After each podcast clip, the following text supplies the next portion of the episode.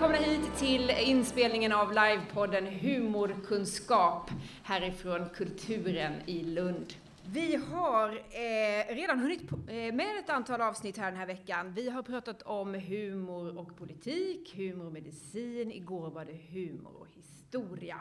Och idag så ska vi självklart ge oss in i ämnet musik. Show, don't tell, sa en av eh, gästerna som ska vara med här idag när vi försökte förbereda det här snacket. Och med det menade han eh, mer sång, mindre snack. Så det kommer det att bli idag. Det kommer att bli mycket sång. Och jag hoppas att ni också har harklat igång era stämband. För vi ska nämligen få sjunga lite allsång. Härligt! Ja, ni är med på detta? Ja, det är bra det. Eh, vi kommer att få bekanta oss med Taube och med sjuka hits från Absolut landsting. Ni börjar ana vartåt det här är på väg. Men till min hjälp här för att spela in eh, det vi säger och klara av det här VMet i antal mikrofoner tror jag, så har jag den cyklande polisen och mannen bakom Lundapodden, Magnus Björn Bensen. Ge honom en applåd! Hallå Magnus! Ja, hej! Ja, som ni ser här så har vi riggat upp eh, 12 mikrofoner idag. Ja, reder vi ut detta? Man vet knappt vad man ska... Ja, precis. Jag glömde sätta på podden Prata. här. Det kan vara en förutsättning Ja. för att det ska bli en podd. Eh, du, eh, jag har lite frågor här till dig. Ja. Eh, nu har vi ju en musikprofessor och läkare, så tänker jag eh, är det lämpligt när man går på Musikhögskolan eller så läkarutbildning eller vad det är att, att man eh, kanske är lite oseriös och sjunger lite mycket skämt Att man ägnar sig åt humor? Ja, Ja, det kan man göra det eller riskerar man att hamna i något fack då? passar det sig verkligen? Passar det sig att vara kul på Musikhögskolan? Ja. Ja, den ska vi ta med oss. Ja, det är gott. Tack för det, det är bra. Kör hårt nu. Musik och humor har ju följts åt genom historien. Ta till exempel alla komiska operadramer. Mozart var både en lustigkurre och ett musikaliskt geni. Vår egen Bellman skapade munterhet i festsällskapen. Vi har fantastiska musiker som till exempel Victor Borge, Povel Ramel, Monica Zetterlund ägnade sig också åt humor. Hasse och Tage förstås, som förstod musikens roll i humorn och vice versa. Och i Lund är vi ju som bekant väldigt duktiga på att kombinera det roliga och det allvarliga. En som har gjort det här till en konst är vår allra första gäst, nämligen öron-, näsa-, halsdoktorn, Fråga Lund-experten och artisten bakom Absolut landstingsplattorna, Henrik Widegren!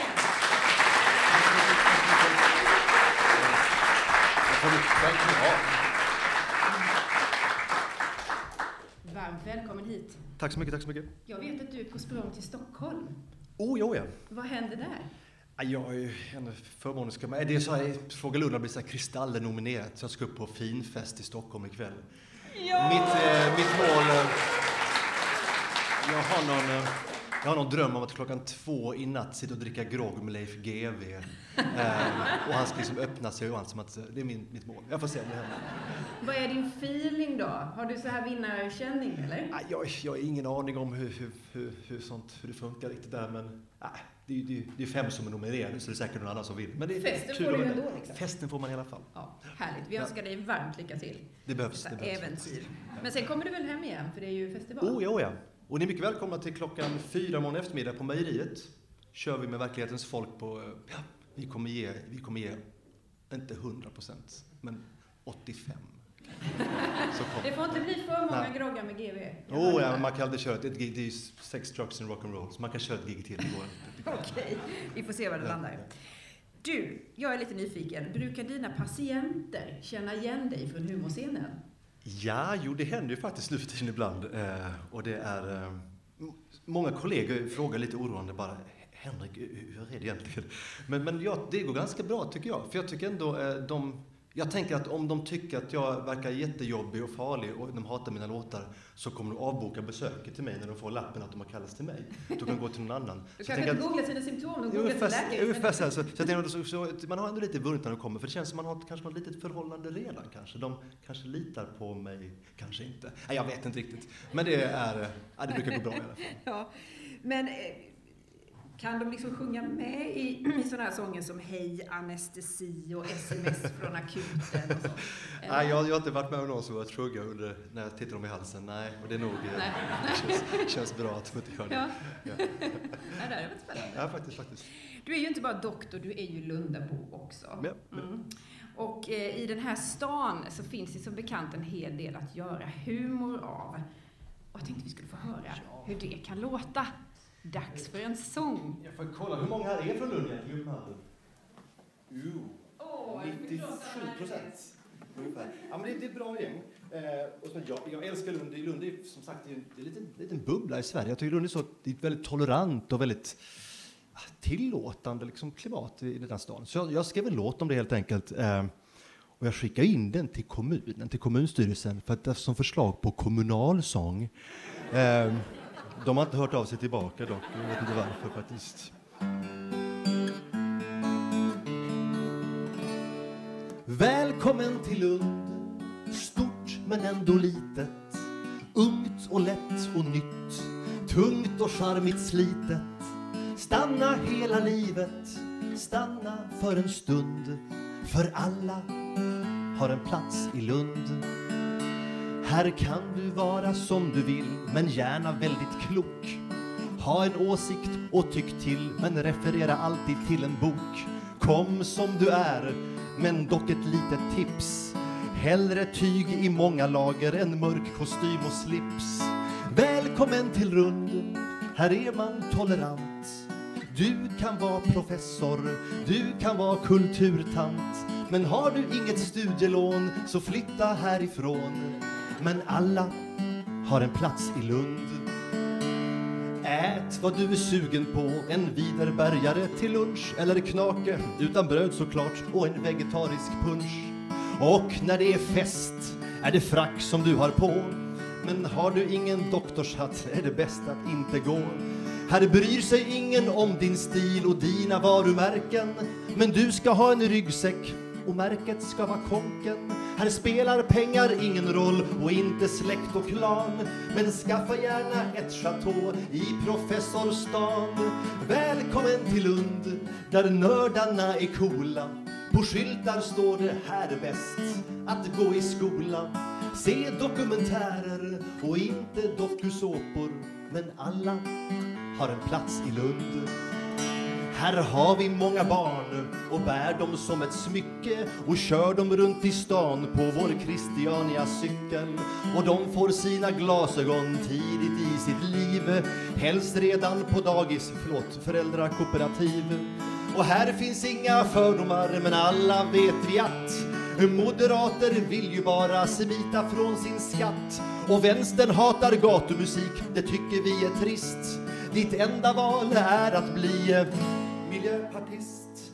Välkommen till Lund, här sjunger vi i stämmor. Vi spelar inte fotboll, men vinner alla vi i femmor. Var som jätten Finn, så kommer du att passa in. För alla har en plats i Lund.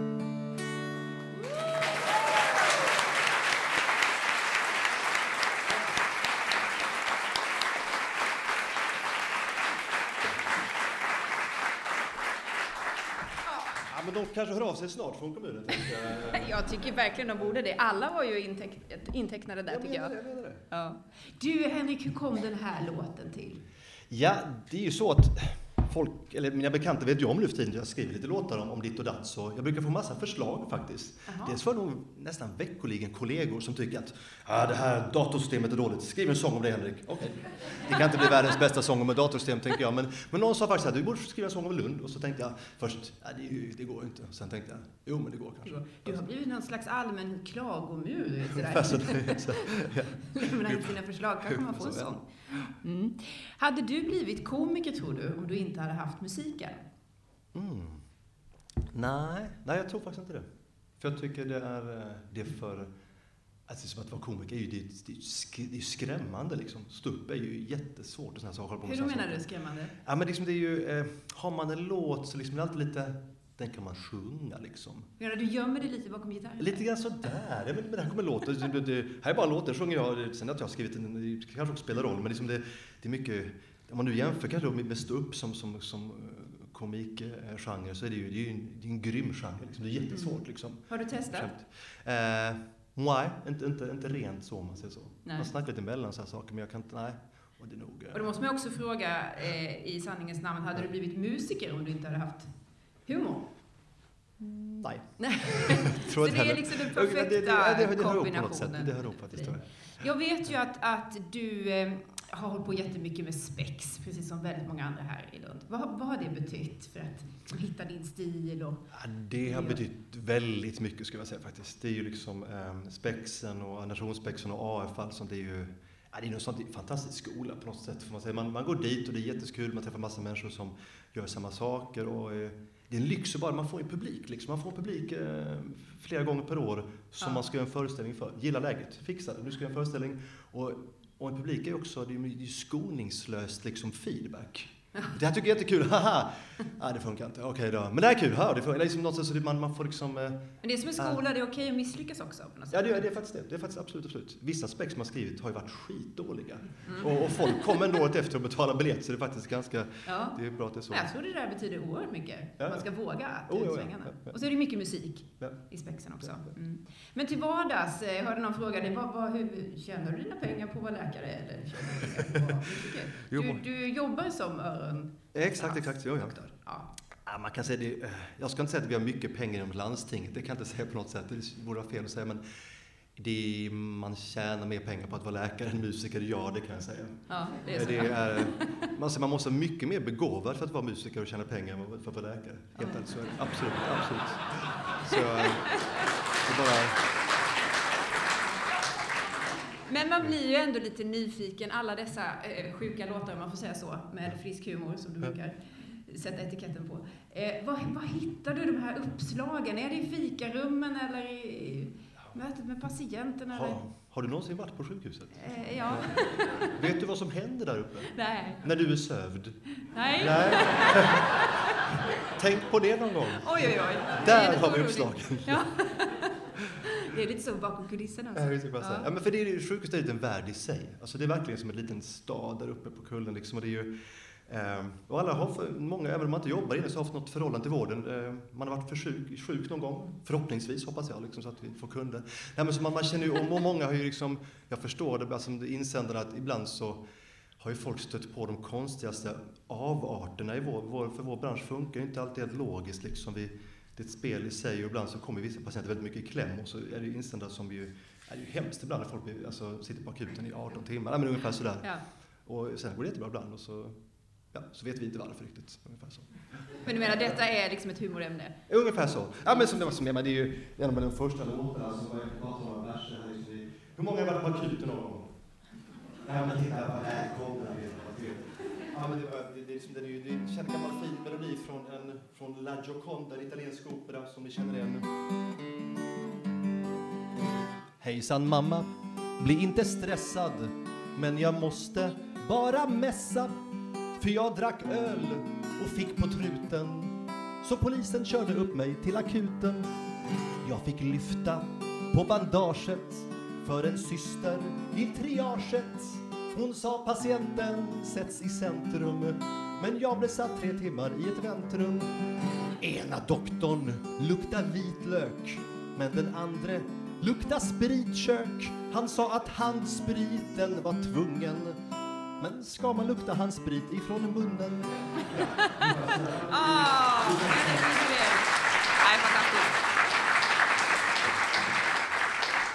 Så det finns ju ösa ur kan man säga. Ja, obegränsat är det härligt. Eh, I den här podden så älskar vi att förena humor och kunskap. Ja, men det som Lund faktiskt är bäst på på något sätt. Så att det leder oss in på nästa gäst. Vi ska få säga varmt välkommen till sångprofessorn Sven Kristersson.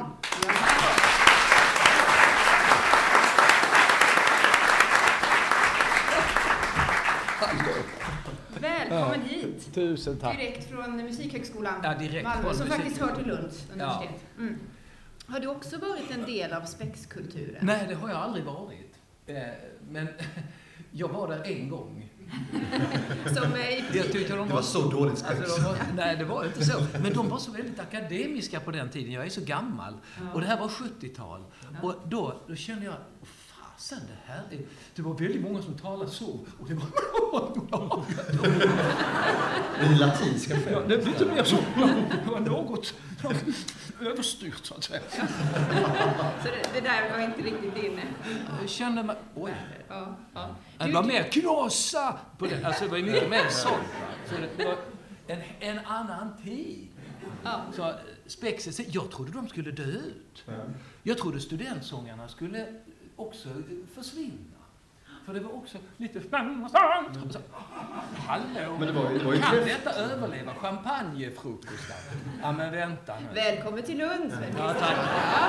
Ja, ja, men Här ser vi Jag, bodde, jag traditionen. bosatte mig i Malmö. Ja. Alltså, Men det var ju kräftgång någon gång verkligen. De fick ju slita in folk publik till föreställningar och sådana saker. Ja, det var, jag såg det. De, de drog in stackars pensionärer. Inkastare. Ja. De lurade in Ja. pensionärer. De är lättast att lura in. Ja, de är lättast att lura. Men du Sven, du är ju professor i sång. Ja, Ja. det är inte klokt. Va? Vad gör man då, eller på att säga? Ja du, det är en väldigt bra fråga. Jag undrar själv ibland. Jag måste bara säga, jag hade världens roligaste dag igår. Då kommer det nya studenter som faktiskt vill bli sånglärare. Och mina spe- specialiteter är då kammarmusikalisk sång, litterär visa och scenisk gestaltning. Och så kom det flera stycken sådana igår. Och den ena gladare och mer intresserad än den andra. Då tänkte jag, Holy Moses, jag har världens roligaste, mest meningsfulla jobb. Kan man få ha det så här bra? Nej, men det är underbart! Ja. Men jag tänker någonstans att ni två borde nästan bilda team. För jag vet att du Ja. brukar filma stämbanden, gärna på dig själv, Ja. eh, och visa upp så här på projektor. Det är narcissism kan man Ja, det är säga. narcissism.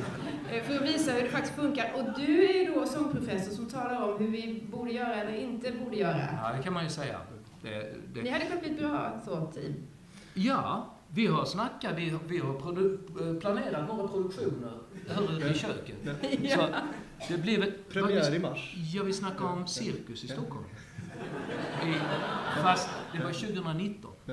Vi ser Ja, landar. lite hjälp från Leif GW. Och, Sören Leif, ska vi? Ja. Men Sven, det här med att vara sångprofessor. ja. Är det liksom... ja det, det, det är problem. Ja?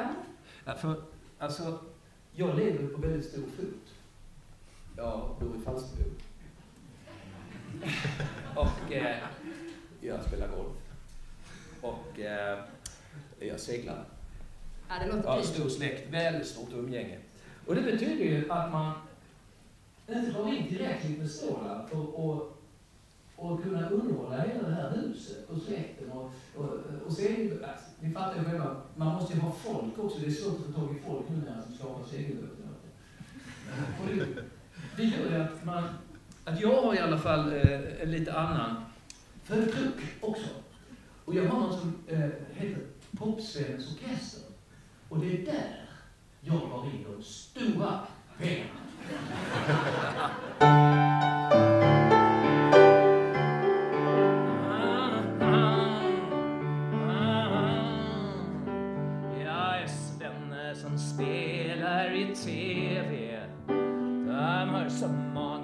rockprogram där. Och de spelar mig mycket i P3. Det är därför som jag låter så här. Ah, ah,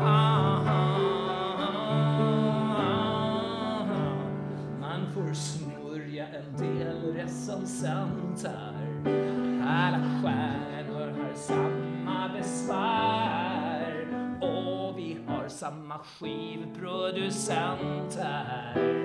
Det är därför alla låter så här. Ah, från USA la, har jag hämtat en del nasalur. För här i Svedala har vi så konstiga vokaler det är rätt lustigt att jag som är stjärna är här och ger gratis konsert.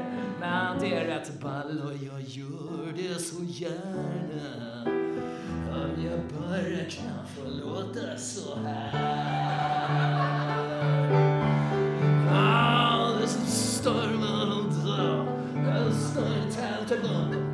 Den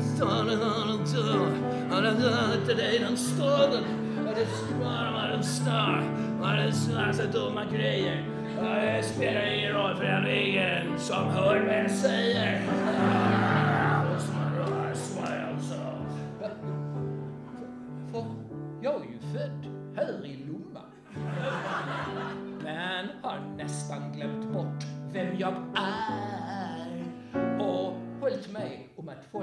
Rätt dumma. När de köper att jag låter så här.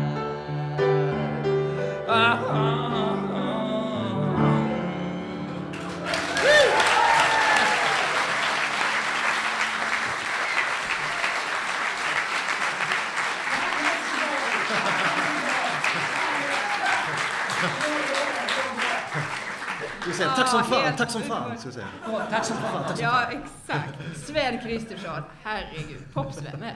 Ja. Vilken andra karriär. Ja. Du, det är ju viss drift med genre här, det tror jag precis alla förstod. Men, Ja. men, Hur menar du då? då? ja, ja. Fan. Genre? Du, jag, jag är genrelös, genrefri.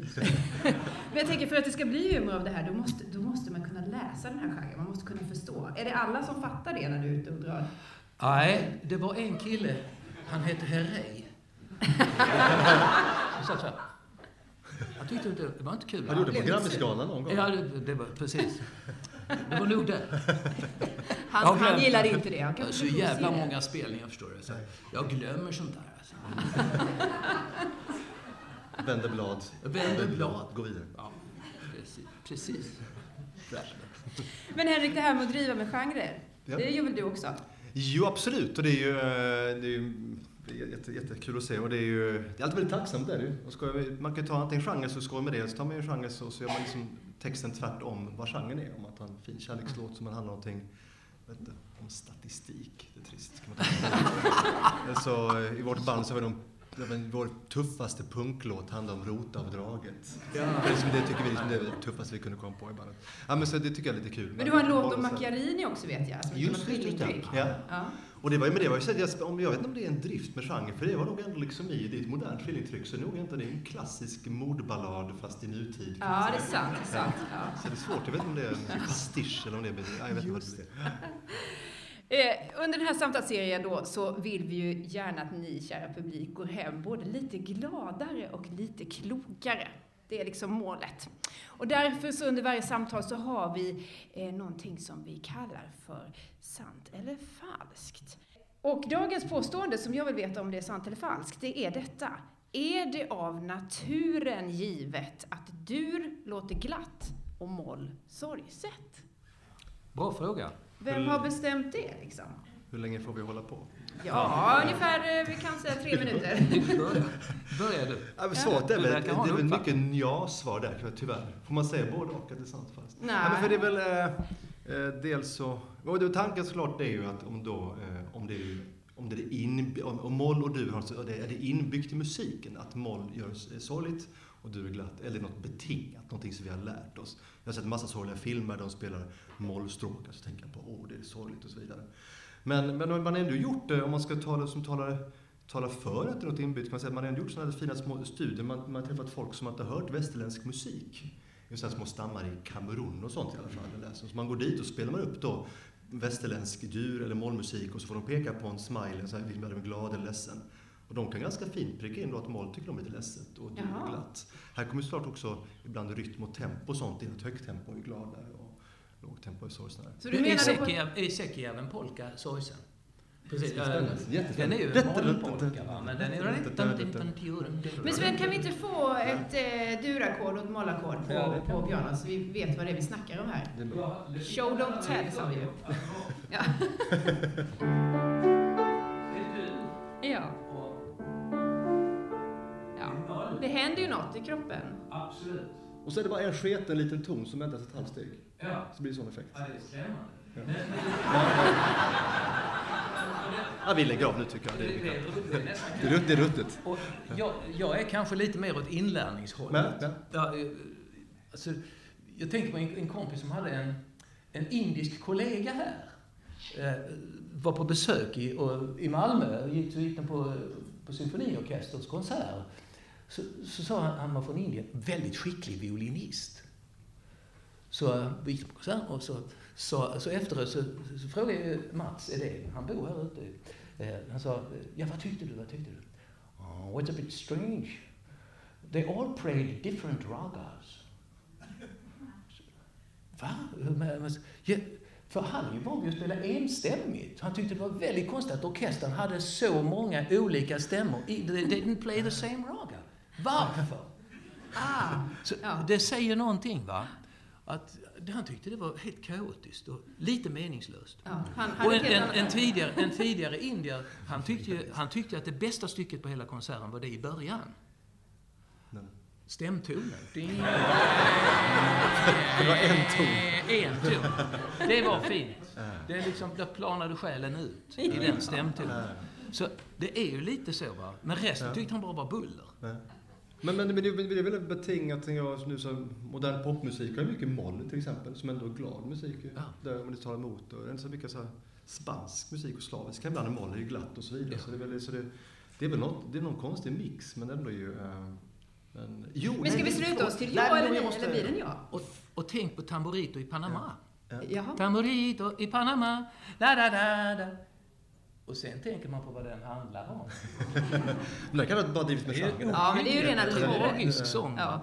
Så det, det, det är inte alltid tingen är, är Varför det de får jag nämna faktiskt, om något som då, typ den där Ja. färsk forskning vill man alltid nämna. Ja, för jag, då, jag kikade på detta för ett år sedan och då var det så att eh, i USA så har man kikat på, de har kikat på eh, ljudspektrumet och jämfört eh, musik och tal. Och då hade de, jag vet faktiskt inte exakt hur de räknade, hur de räknade ut detta, de kanske bara ville se sina egna eh, resultat, men de, det var ganska seriöst och de, då har de jämfört och så kom fram till att moll påminner mer om talets spektrum i ett dämpat lågmält läge och dur påminner mer om tal i ett uppspelt glatt läge. Så de, de tyckte det kunde finnas någon, då, någon slags mer eh, naturlig koppling där på något sätt. Men du, det är väldigt spännande, för Börje Klavbo, han gjorde en sån forskning eh, faktiskt på, på lärarna på Musikhögskolan. Och det, deras talröster. Och enligt honom så var det så att de klassiska musikerna och lärarna alltså, de talade mer på treklanger. Hur då? Du får du illustrera. Alltså när man lyssnar på deras samtalston. Och eh, sen eh, jazzmusikerna, de talade mer tritonusartat. Och han menar detta höll alltså. Och det mest, men sen vet du vad? Alltså, han gjorde en grej till. Han, han lyssnade, han spelade in eh, par som gifte sig i kyrkan. Och, det- och, så, och det enda han spelade in var Ja, tager du dina Nils-Åke Wattubrandt till din äkta make? Och så svarade hon ja. Och, och vi- tager du denna Cecilia Bengtsson? Och när Jana var på oktavavstånd eller kvintavstånd, då höll äktenskapet. Oh, good point! Så nu vet ni, nu måste ni lyssna. Forskningen, forskningen. Ja, ja. Ni ser vad forskningen kan göra underverk. Ja.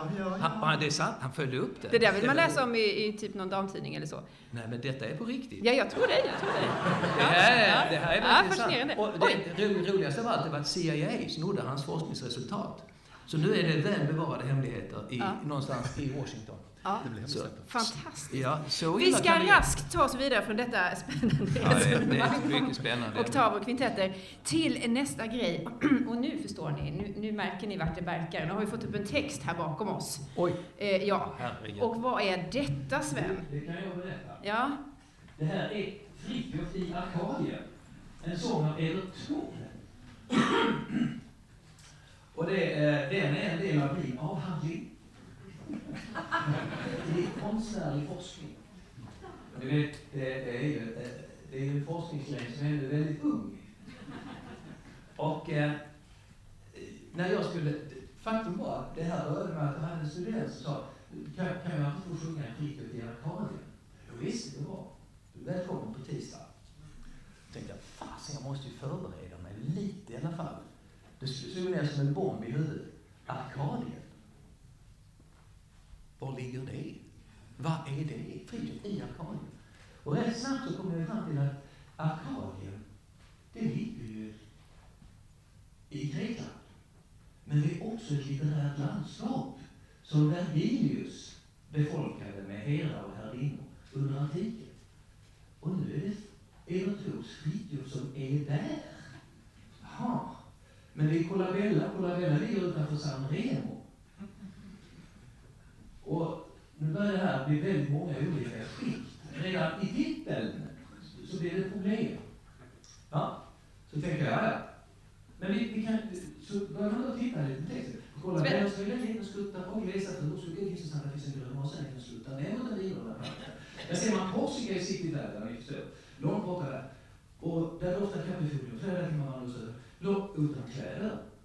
Långt ner i dagen, här har vi en bild va? Det är som en teater. Det är en scenografi. Eller kanske en tavla från renässansen. Perspektiv. Ja, och så nästa vers. Där kom jag glad och naken mitt på dagen. En pilgrim. Ja, det är vallfart.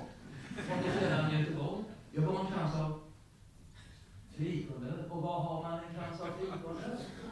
Det har man i paradiset. Sven, får jag be dig hugga den Ja, det mikrofonen? var vid den mikrofonen. Ja.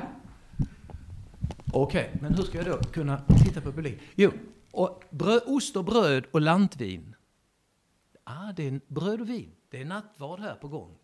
Det var en härlig dag, jag hade turen att höra en äkta Jag känner mig som fågeln släppt ur buren. Men vänta nu här, det är ju en vanlig symbol inom, baro- inom rokokomåleriet för det manliga könsorganet som tittar ut. Och jag var på väg tillbaka till naturen. Det är Rousseau från samma epok. Aha, jag ville vina mig med jordgubbsbröd. Jaha, och, där, och så kom jag, där gick getterna och där gick fåren som vita moln på engelsk klorofyll. Och näktergalen sjöng i björnbärssnåren, Jag var själv en del av min idyll. Yes, och idylldiktningen är ju den här bukoliska diktningen från Vergilius och framåt. Va? Mm? Jag gjorde ut fick en lövenbricka och la upp min bartugge. Men jag satt med och för att dricka. Då fick jag plötsligt se en naken flicka. Paradiset. Så kom jag. Jaha. Jag har väl aldrig någonsin sett på maken. Ja, hon kom och ställde sig helt tätt intill. Och innan jag hann tänka rätt på saken så fick jag plötsligt se två flickor till. De skrattade och jassade. Och vad är nu detta? Nu är det tre flickor som dansar i ett... Det är, det är Botticelli. Det var någon som sa det. Det är ju Botticellis Våren med de tre dansande flickorna. Aha, det är en renässansmålning. De och sjöng Oh happy days are here again. Och det är en låt från 30-talet, en kampanjsång eh, under presidentvalet 1932.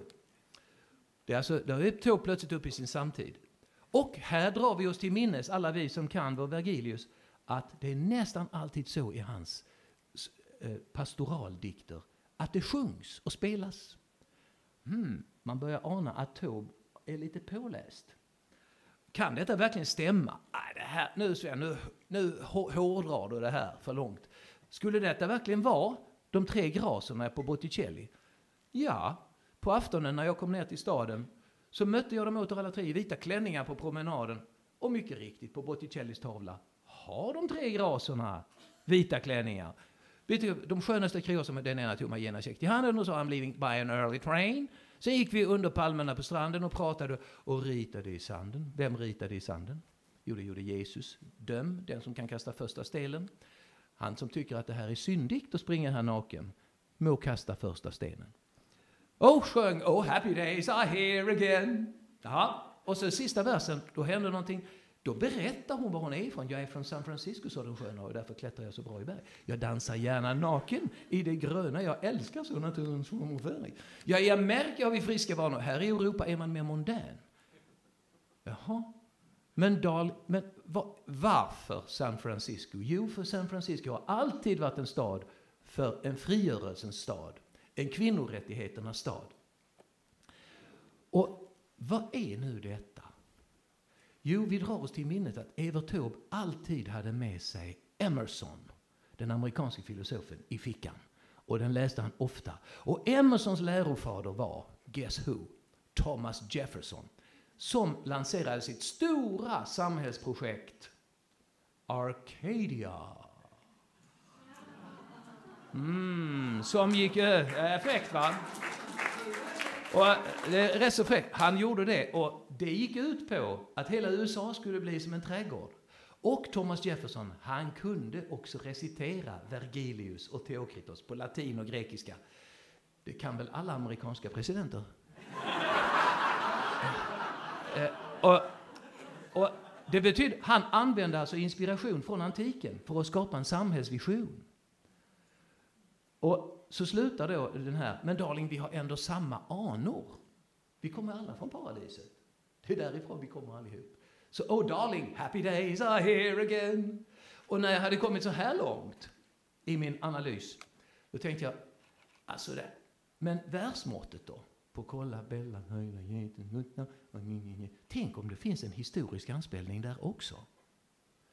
Och då så tänkte jag, men fan det här är ju Otaverime. Bara, bara, bara. Men det är nio rader. Vem har skrivit nio rader i Otaverime? Det har Spencer. Edmund Spencer. Det här kom jag fram till på nätet. Det var ju ingenting jag kunde sådär. Utan det hittade jag på nätet. Ja, det, det var rätt häftigt va? Ja, visst är det fräckt? Och, nej, nej, vi har en grej kvar. Men, och vem har lånat en Spencer-stansen till Sverige? Jo, det har Tegnér, Esaias Tegnér, en av Evert Taubes stora förebilder.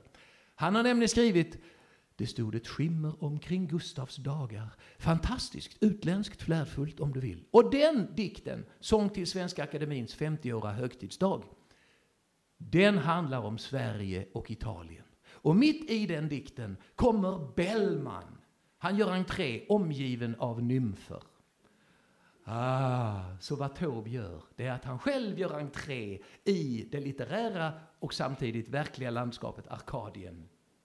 Omgiven av nymfer och graser. Så han, Bellman, det är jag. Nu så, sjunger vi den här? Kan ni den? Alltså det finns ett litet... Det, det, det finns en, en... Vi får börja från början. Det finns ett förspel till den här. För 50 öre köper han en hatt. Stor som en parasoll och lätt som fjäder. Han byter sina skor av läder mot blåa tofflor utav canvasduk. Strax blir hans hållning lätt och gången mjuk. Men bättre upp. En krona 35 kostar en ränsel gjord av palmbladsrem. En luftig bomullshalsduk hittar han för 40 öre, som är grann i koloriten. Skjortan kavlas upp på armarna och på sin hela kropp har han nu skjorta, halsduk, hatt och kypertbyx och blåa tofflor. Så lätt och fri han blev. I ränseln sin han lägger tvålar, jodsprit och citroner, bröd, vatten, ost och gott men billigt vin. Adjö! Han gick till vesperklockans toner från strandens kvalm och loja vattubryn och vandrar upp till fjälls högt över byn. Är ni med?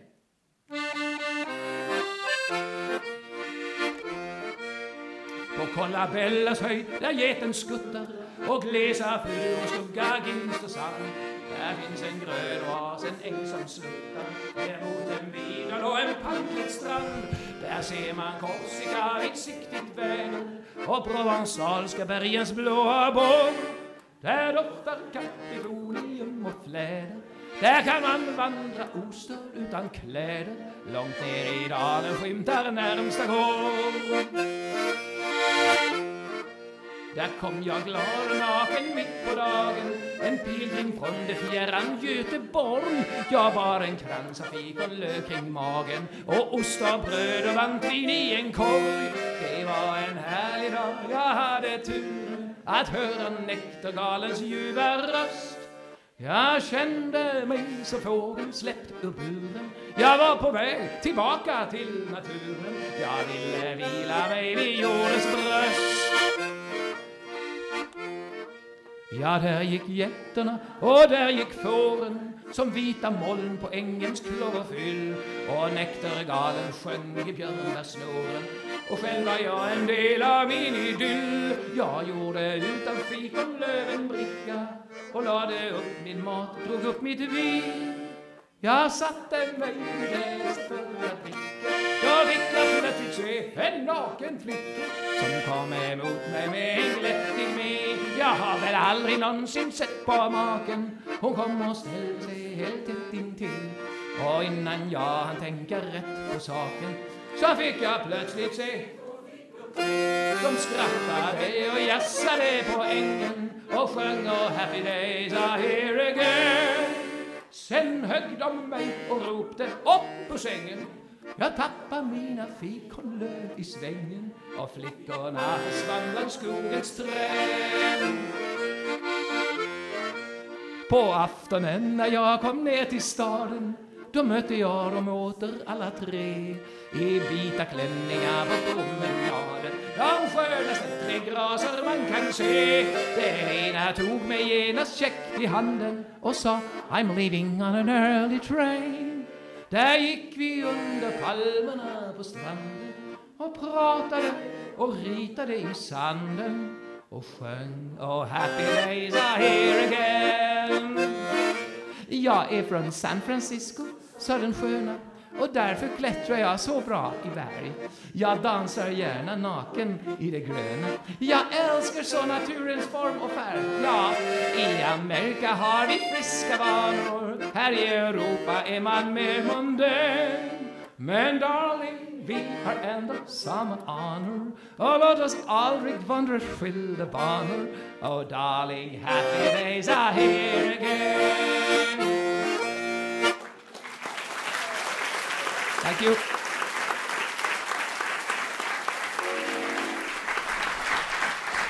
Sven Kristersson i sitt esse skulle jag vilja säga, och i sin Panama-hatt.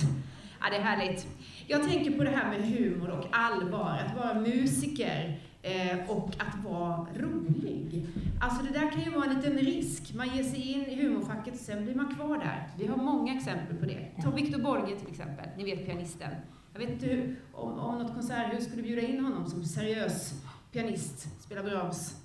Vad tror ni? Svårt. Svårt. Man skulle skratta bara man ser honom. Ja, precis. Sen är det liksom kört. Men jag tänker att dina studenter då, jag fick ju den frågan här från Magnus innan. Hur roliga vågar de vara? Är man rädd för att närma sig humor? Ja, en kom igår och ville sjunga Kindertotenlieder av Mahler. Så, så roligt var det. Ja, det är högst seriöst ju. Så, eh, ja, sånt, man får liksom göra både och. Ja. Eh, Det är ju någon, för där finns ju en, en liten poäng alltså att, eh, det är ju många som har sagt det, att är det inte riktigt allvarligt så går det heller inte att skämta om det. Det var en kompis nu, Maria Lindström som är trubadur och poet, hon, som har spelat rätt mycket här i Lund också. Hon har precis, eh, hon berättade om sådana här groteska grejer som inträffar på sjukhus när man är jättesjuk. Och så ligger det någon bredvid och skrattar och ännu ondare än en själv. alltså, det, Efter och man, man är på, ligger nästan och dör. Va? Men man skrattar ihjäl, håller på att skratta ihjäl Så den där kontrasten. Samtidigt blir det en väldigt dubbelhet där. Ja. Det idé. finns ju väldigt liksom vissa, vissa cancerpatienter har ju en, en beundransvärd galghumor om sin egen situation ibland. Det är alltid det man måste man ju acceptera sin diagnos först. Liksom. Men I början, när man får beskedet så då är ju folk i chock. Men sen efter ett tag när man går på behandling och saker så kan ju vissa skoja friskt om sin strålbehandling och så vidare. Det går strålande. Nej, men de kan liksom, det, det, verkligen, det, det, Och det har vi fått höra här under den här serien Ja. när vi hade humor och medicin, hur viktigt det där är, Ja. att kunna koppla på humorn. Men jag tänker, vi ska inte prata så mycket om det, men jag vill nämna det i alla fall, att du har ett forskningsprojekt där du skriver om, eh, eller analyserar Birger Sjöberg och har plockat upp eh, Ja, det- ja, flera ja. av hans texter. Och om jag bara får säga att han eh, blev ju eh, fantastiskt känd med sina humoristiska Fridas visor till exempel, och så vidare. Men när han skulle bli seriös, Ja, Då gick det precis. inte. Alltså det, det här föreställningen den heter faktiskt eh, Underhållaren som ville tala allvar och gick under. Alltså, ja.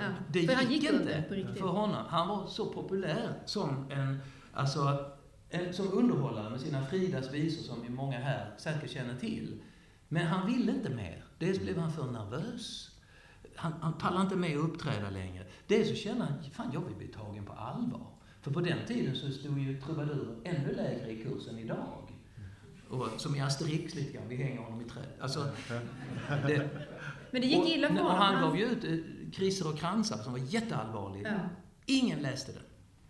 Långt in, 30 år senare kunde man fortfarande köpa den i bokhandeln. Ingen ville ha den. Så, han- och han blev desperat, men fortsatte skriva. Och de texterna, som var en massa sångtexter som han faktiskt hade tänkt göra någonting av antagligen, de har jag tonsatt. Ihop med en massa eh, litterära fragment som också blev över. Som är precis, du sa galghumor. Det, det är det han, han Och det kommer vi kunna bygga en helt annan humorshow kring. Så det tar vi Ja, det nästa ja, gång. alltså, och, Men jag, jag tänker också, så- tänker också på Povel ibland, som jag tycker, Ja. han får ju Ja. sätta, så säger man Povel är jätteduktig, men han skriver ju ingenting allvarligt, säger folk. Men han är ju trendy, alltså, han skriver så mycket bra saker. Så kan det kanske underbart och kort, det är men det är som att, jag tycker som att han gjorde det så bra någonstans, så, liksom, så jag tycker jag, han gjorde ingenting allvarligt på riktigt. visst gjorde han. Nej, men han har ju liksom gjort Ja. så mycket annat. Klart att han gjorde. Varför är det ingen is till punschen? Ja, Den är, den är, den är, den är, den är, den är Det är fantastisk. jätteallvarligt. Det är samhällskritik det Ja, jag håller med. Det är bara det att plötsligt så, oj, så fattar man ju liksom inte. Ja, man det är över, oj, det här var ju rätt så... Ja, man luras verkligen. Man luras liksom in i det här. Men Henrik, vi ska snart avrunda här. Jag Ja. tänker just det här med humor och allvar. Det är ju liksom där någonstans du också befinner dig hela tiden. Och jag vet att det finns tillfällen då det inte har funkat så bra med de här sjuka låtarna. Jag tänker på dina kompisar i, i, eh, i läkarkongressen. Kan du inte berätta? Vad, Nej, jag, det är ju som sagt, jag, jag gör mina små låtar och lägger ut på, på, på nätet och på en sjukhusläkarsajt. Och så gjorde jag förra året en sång som heter, ja den är ju inte skriven, så den är skriven till min, till min typiske Lunda-patient. Och den typiska Lunda-patienten som ni alla känner till har ju 350 högskolepoäng med noll poäng i kroppskännedom. Och har man haft några sådana på raken så blir det frustrerad ibland. Och den heter då Googla aldrig dina symptom. Eh, aldrig. Och den lades då ut, eh, Gordon Johan Ryn, vi gjorde en video, och lades ut på nätet. Och sen så tänkte jag, ah, det var kul, det kan väl inget ta illa vid sig. Och så, oj vad det brakade lös i kommentarsfältet. Jag har kollegor som bara, "Ah, ni får liksom det, det här var det mest oseriösa och dumma jag någonsin hört. Internet är faktiskt jättebra. Och någon som skrev, ta ner låten genast, folk kommer dö av det här budskapet. Och det känns och för att förklara gång på mig, ja, mm, det kallas för kanske ironi, får... Så får man lite, för det, man, man förutsätts ju vara så, om jag är avsändaren så blir jag plötsligt doktor ibland och då ska, tar man då det, då är det på allvar hela tiden. Det tycker inte jag. kan, man, kan vi inte få höra den där låten så vi får. Ja. liksom Men ta det till själva bokstaven för då kan ni det dö. är- Hur allvarligt detta är. Jag tar inget ansvar för vad ni och henne gör. Jag tycker den är ganska ofarlig faktiskt. Som sagt, lite, lite patientinformation stilla kväll sa min gamle far. Min son, nu har jag inte mycket kvar. Men innan jag tar farväl av dig detta har livet lärt mig. Man kan leva sitt liv på många sätt. Och det finns inga fel och inga rätt. Men vi skulle få en lyckligare jord. Om hela världen lyssnar på dessa ord. Googla aldrig dina symptom. Ingen blir lycklig min son. Du får hundra diagnoser, du får tragiska prognoser. Varje prick blir malignt melanom. Sök på hosta och diagnos. Så har du en dold tuberkulos. Och söker du på feber och röd har du ebola och väntar på din död? Och söker du på rinnande snuva? Har du likvår som kommer från din hjärna? Och söker du någon gång på kli och klåda? Allergisk chock, psykos eller båda? Så googla aldrig dina symptom Ingen kommer ge dig ett diplom du vill ju förstå men kommer kanske på att du har en extra kromosom eller två. Så googla aldrig dina symptom, sa pappa och sen föll han ifrån. I obduktionen fick dödsorsaken bli en kronisk och svår hypokondri som han fått för han googlat sina symptom. Så googla aldrig dina symptom, för du blir som en levande fantom. Har du ont i vänster arm, hjärtinfarktlarm, om din kropp känns lite less, så har du ALS. Är du blek så får det bli att du fått en leukemi. Är du lite på det så har du ADHD, så googla aldrig dina symptom.